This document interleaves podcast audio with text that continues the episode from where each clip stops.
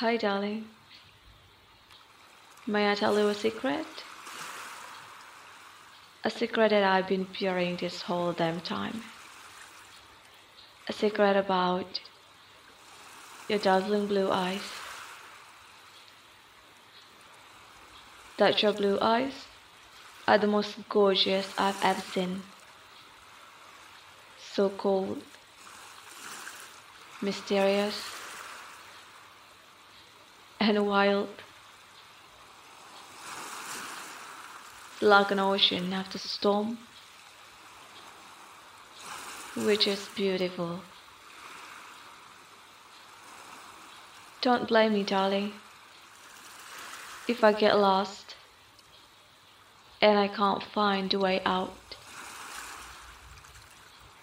Don't ever blame me if I want to stay there for eternity. And darling, please don't blame me.